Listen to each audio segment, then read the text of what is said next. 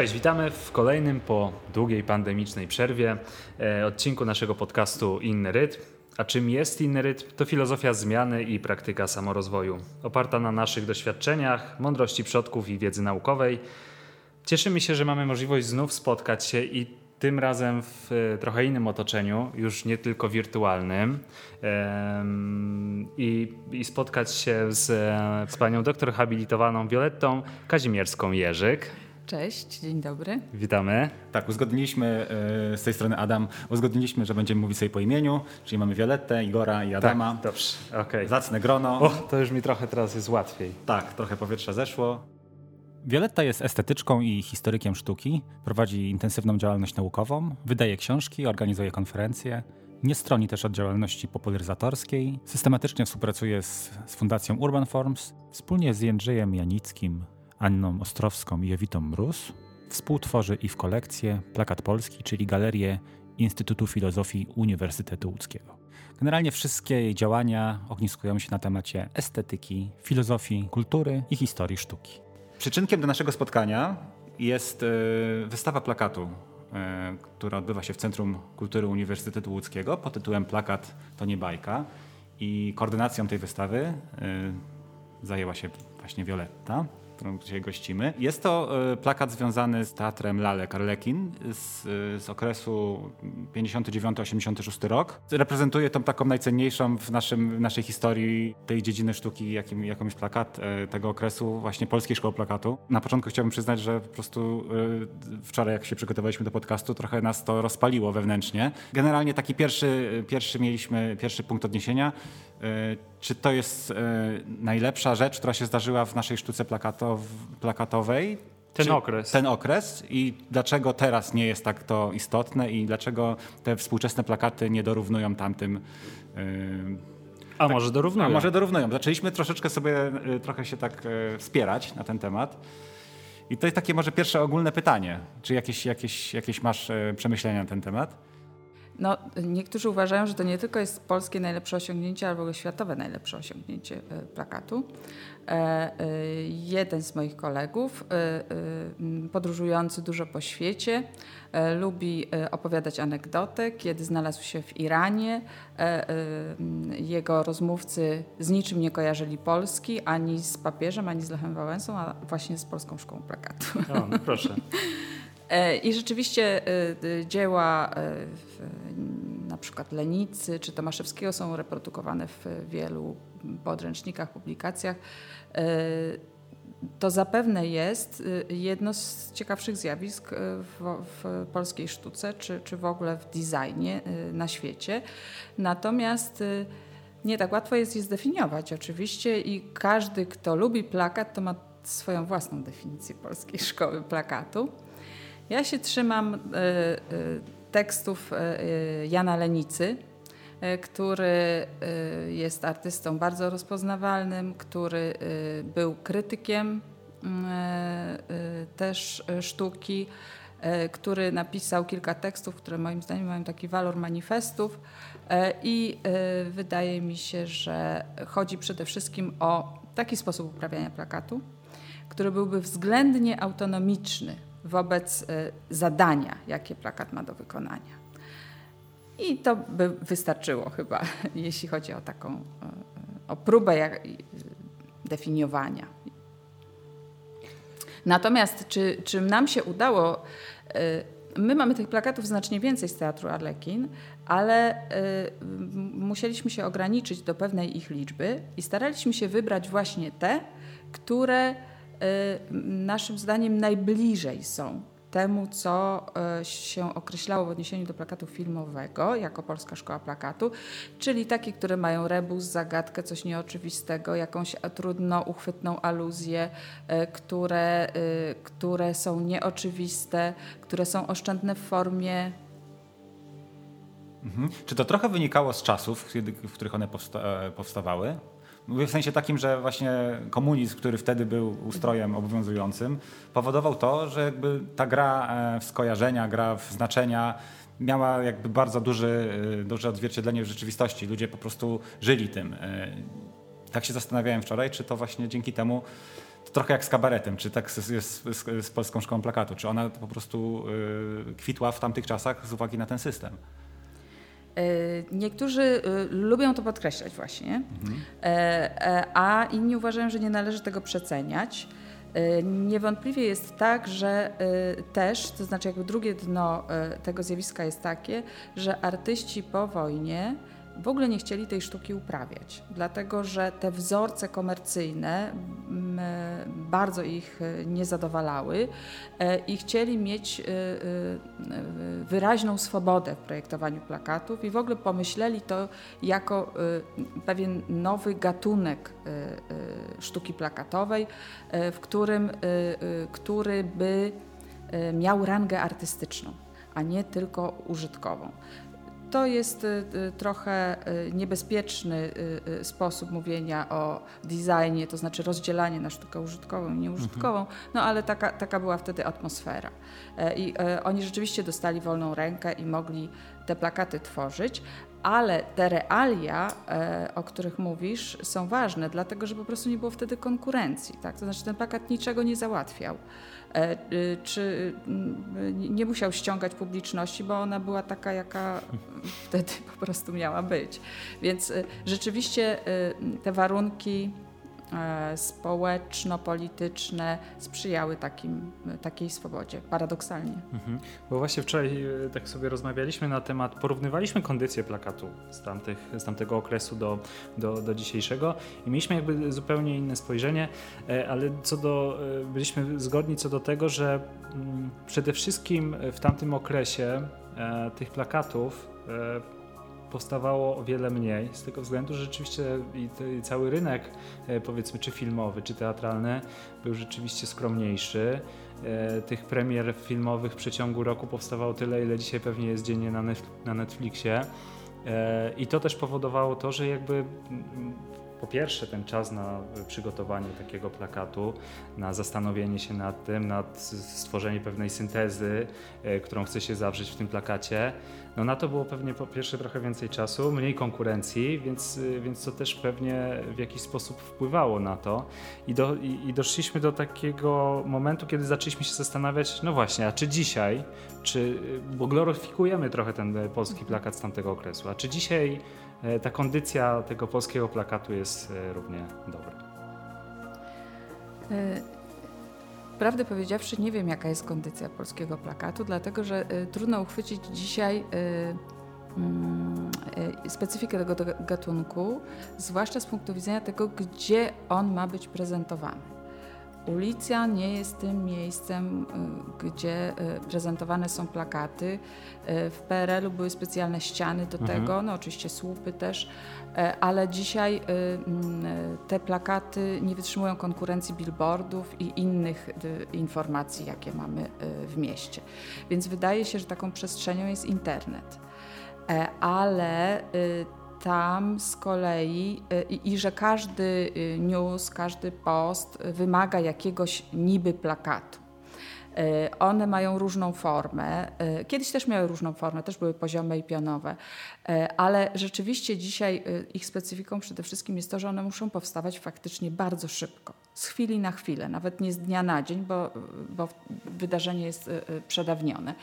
No i tam te plakaty tak nie powstawały. Mhm. I e, nie tylko dlatego, że, e, że rynek był uboższy, ale dlatego, że stosunek twórców do ich pracy był inny dopóki oni nie byli istotnie zadowoleni z tego efektu, to nie chcieli tego, tego dawać do druku.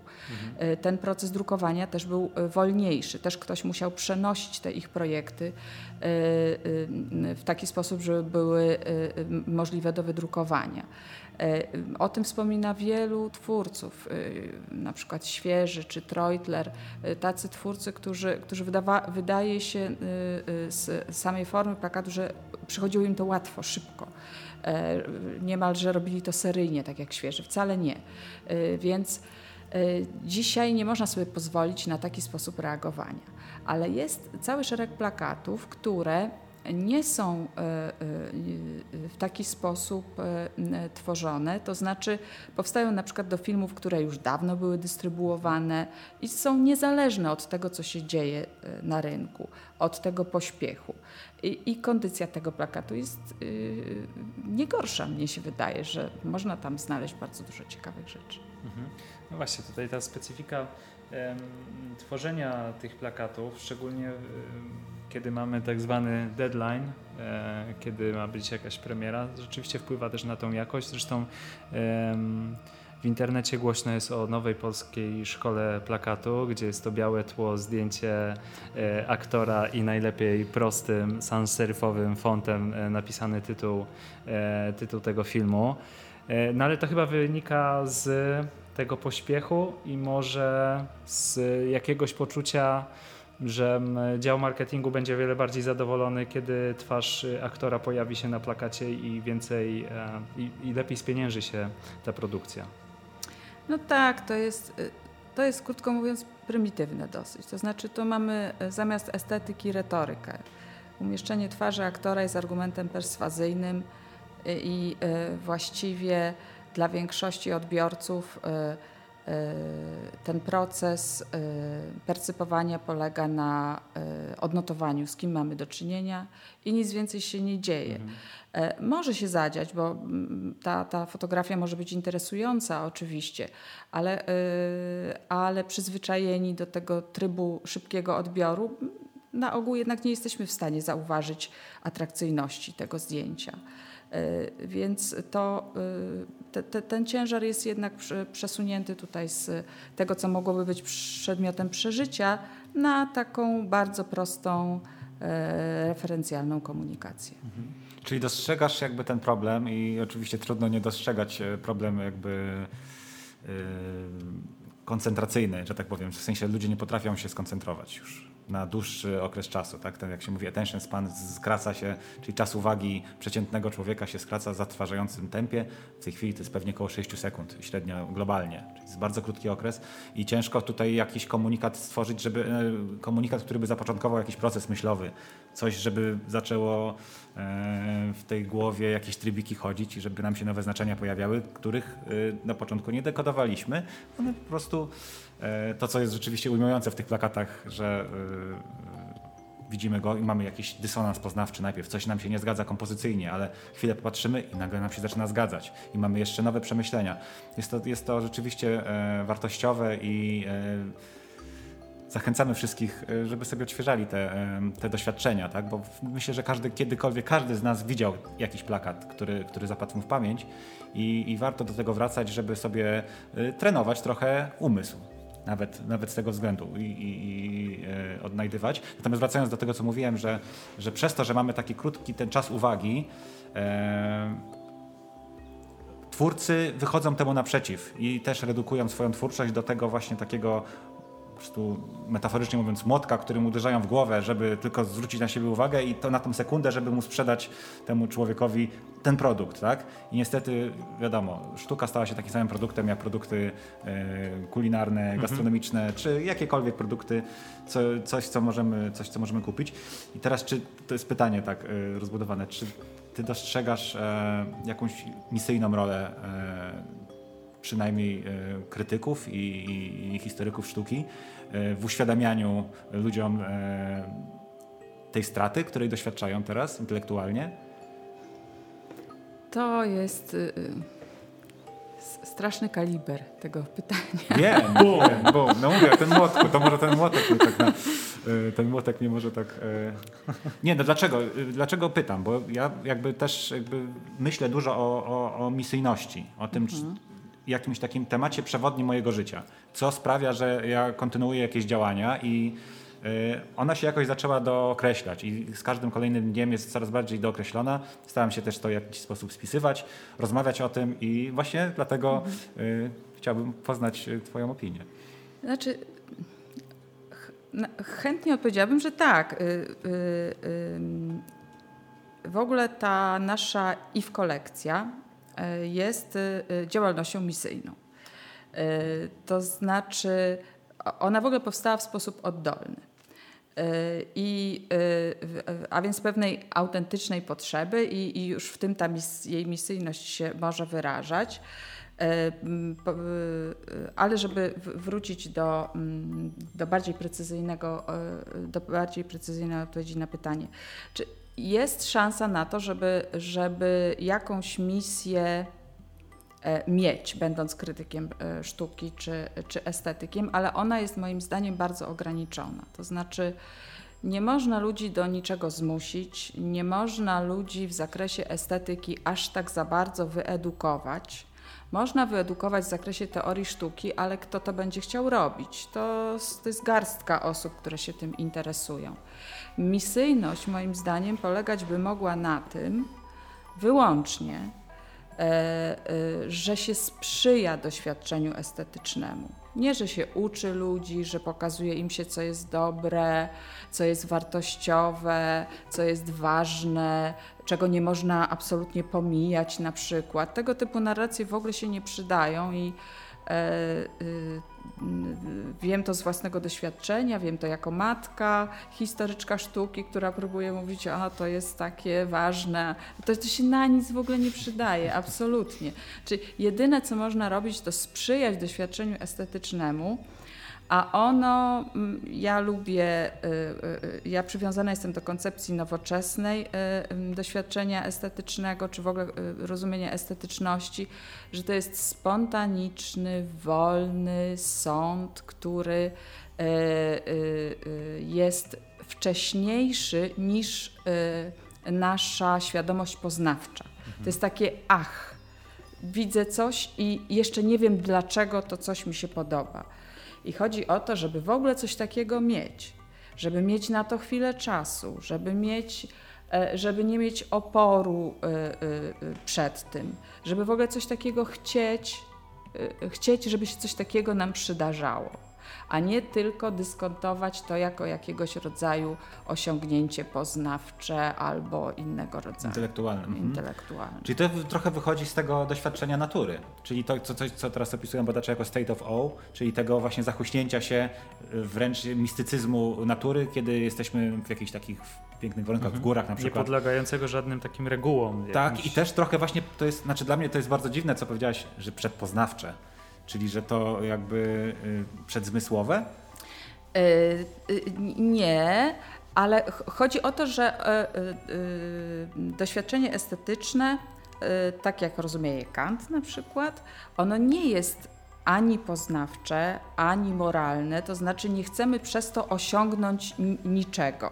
E, I nie chcemy przez to dokonywać też żadnej oceny, tylko ono jest właśnie niezależne od tego. E, niezależne, a niezależne jest e, e, też dlatego, że jest spontaniczne. Nie mamy w tym żadnego celu ani żadnego interesu. Z chwilą, kiedy zaczynamy myśleć, mm, jest kwadratowe, czerwone i dobrze zakomponowane, to już jest po doświadczeniu estetycznym. To już wkraczamy mhm. w tę sferę poznawczą albo w sferę oceny moralnej, czy to jest dobre, czy, czy niedobre. Tak?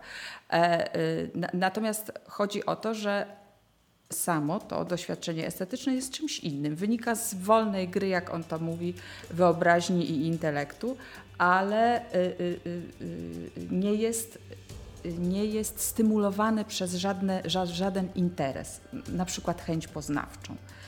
Ono jest zmysłowe oczywiście i jest też umysłowe, ono jest pracą umysłu, ale nie skierowaną na cel. Czy w takim razie jesteśmy w stanie wyuczyć się takiej pewnego rodzaju uważności i, i braku takiej próby um, szybkiego ocenienia tego, co właśnie widzimy? Czy są ku temu jakieś, y, tu powiemy technologicznie, narzędzia, żebyśmy my y, wypracowywali sobie Jakieś psychonarzędzia może. Takie psychonarzędzia, tak. Bo, y, bo to jest bardzo ciekawe, o czym mówisz, bo szczególnie patrząc z, od strony projektanta, e, zdarzają się takie momenty, ale one, y, mówię tutaj o, o, sobie, ale zdarzają się takie momenty niezwykle rzadko. Dlatego, że w, w, tym całym takim świecie, który dzisiaj jest takim światem informacyjnym w większości, szczególnie żyjąc w mieście, mm, bardzo szybko przechodzę do takiego etapu e, oceny. No po prostu na przykład jest spitolona typografia od razu gdzieś. Widzę, że światło gdzieś jest po prostu takie, że no nie mogę się skupić na niczym innym. E, a to, o czym ty mówisz, jest, y, jest takim doświadczeniem wręcz, może to zbyt duże słowo, ale wręcz takim duchowym. Y, w momencie, kiedy obcujemy z pewnego rodzaju właśnie y, sztuką, czymś, co jest dla nas estetyczne w jakikolwiek sposób. No i teraz zastanawiam się nad tym, czy my, albo czy nasi słuchacze e, mogą poświęcić chwilę na to, żeby spróbować to odczuwać. Czy mamy albo nie mamy? Czy mamy narzędzia, czy nie? Mamy w takim sensie, że wszyscy prawdopodobnie jesteśmy y, potencjalnie wyposażeni w nie jak, jako y, gatunek ludzki, tak? Y, to znaczy nie, nie, niektórzy tak uważają.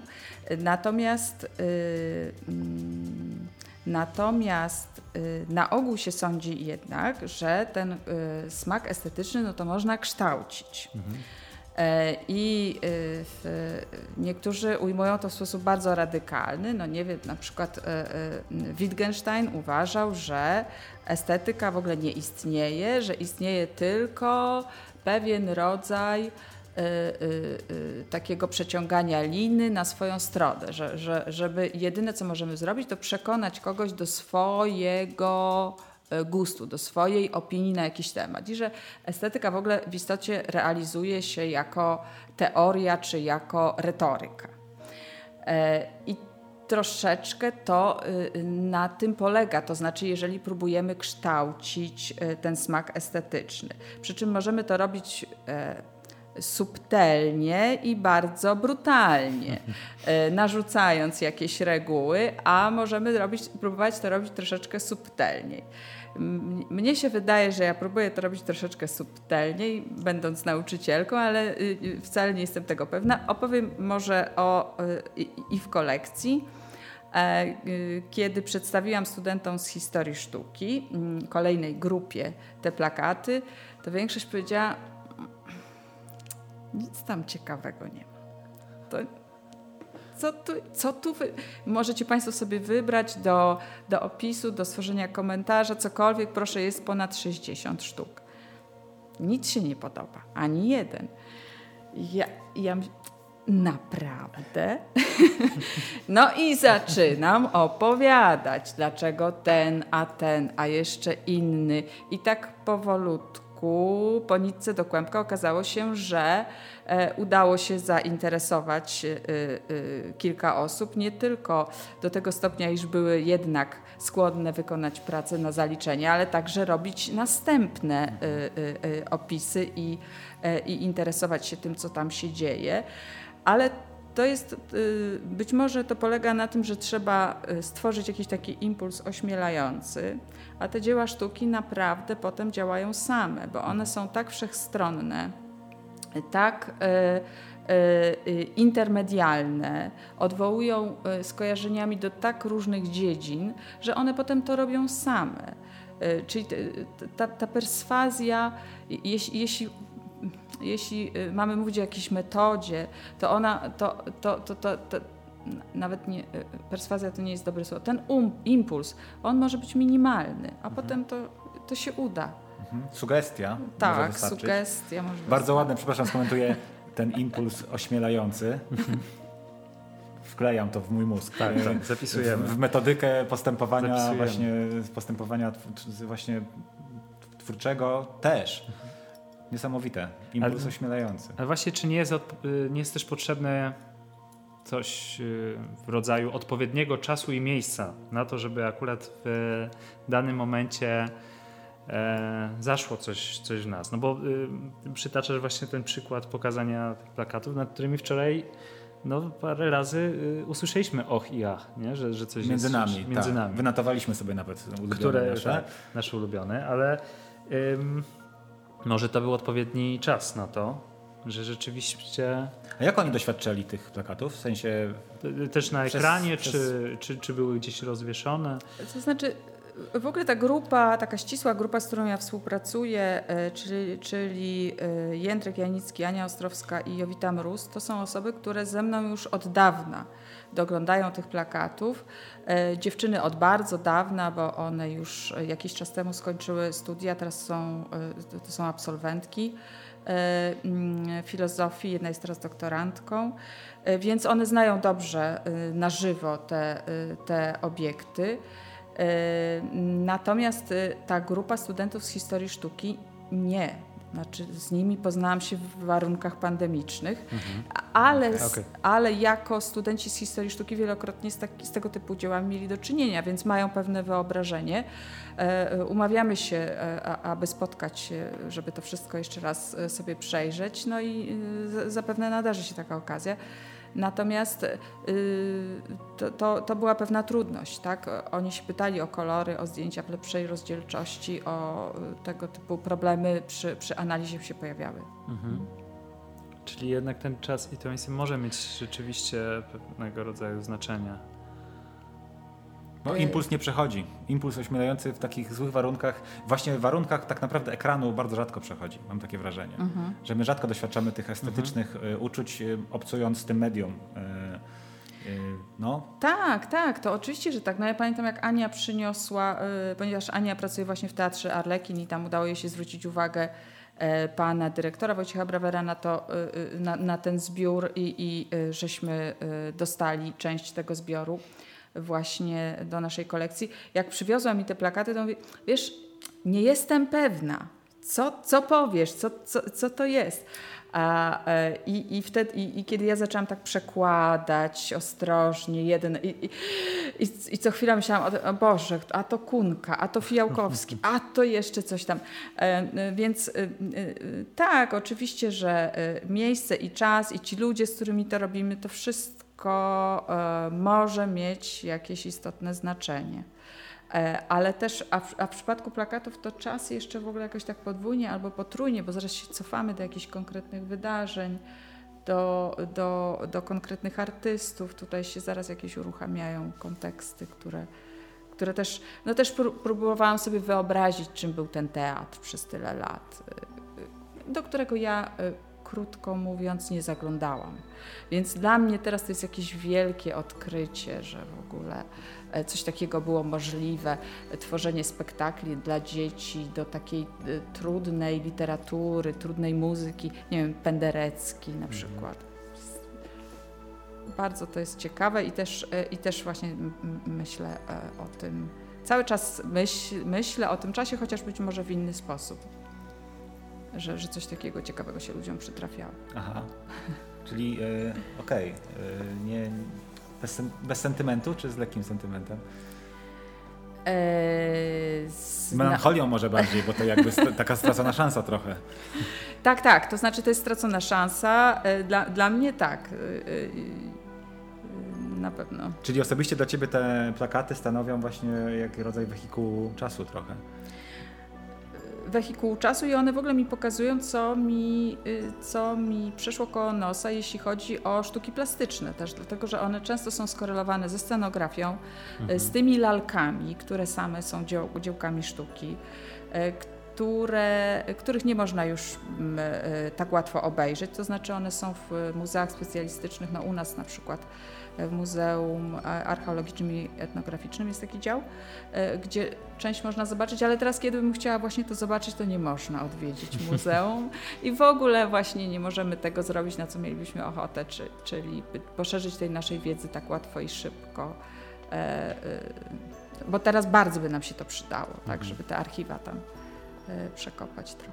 No tak, bo w tych plakatach jest zawarte wiele informacji, które rzeczywiście wypływają. Im bardziej e, obcujemy z, z tym plakatem, im bardziej zauważamy ten pewien kontekst. Zresztą e, Martin Scorsese powiedział o polskim plakacie, e, że to, to, co jest cudowne w polskim plakacie, to jest to, że, że ten plakat potrafi zawrzeć taką syntezę tego filmu, tak do, dogłębnie wejść w ten film. I, no i tak samo jest i z teatrem, i, i, i, z, i z innymi innymi kwestiami, które na tych plakatach się, się pojawiały. Tak, to ciekawe, generalnie wszyscy twórcy to byli twórcy trochę ludzi renesansu, bo robili mhm. również scenografię. No, wiele, wiele jakby aspektów plastycznych, które, które teraz też są jakby nie, rzadko się spotyka takie, takie osoby. Generalnie jest większa jakby koncentracja na jakiejś jednej swojej działce i, i tylko robię to, bo, bo po prostu no nie mam czasu na coś innego. W tym miejscu stawiamy kropkę, ale będzie kontynuacja rozmowy z panią doktor habilitowaną Violettą Kazimierską-Mierzyk w kolejnym odcinku naszego cyklu Kultura Kojąca, na który serdecznie zapraszamy.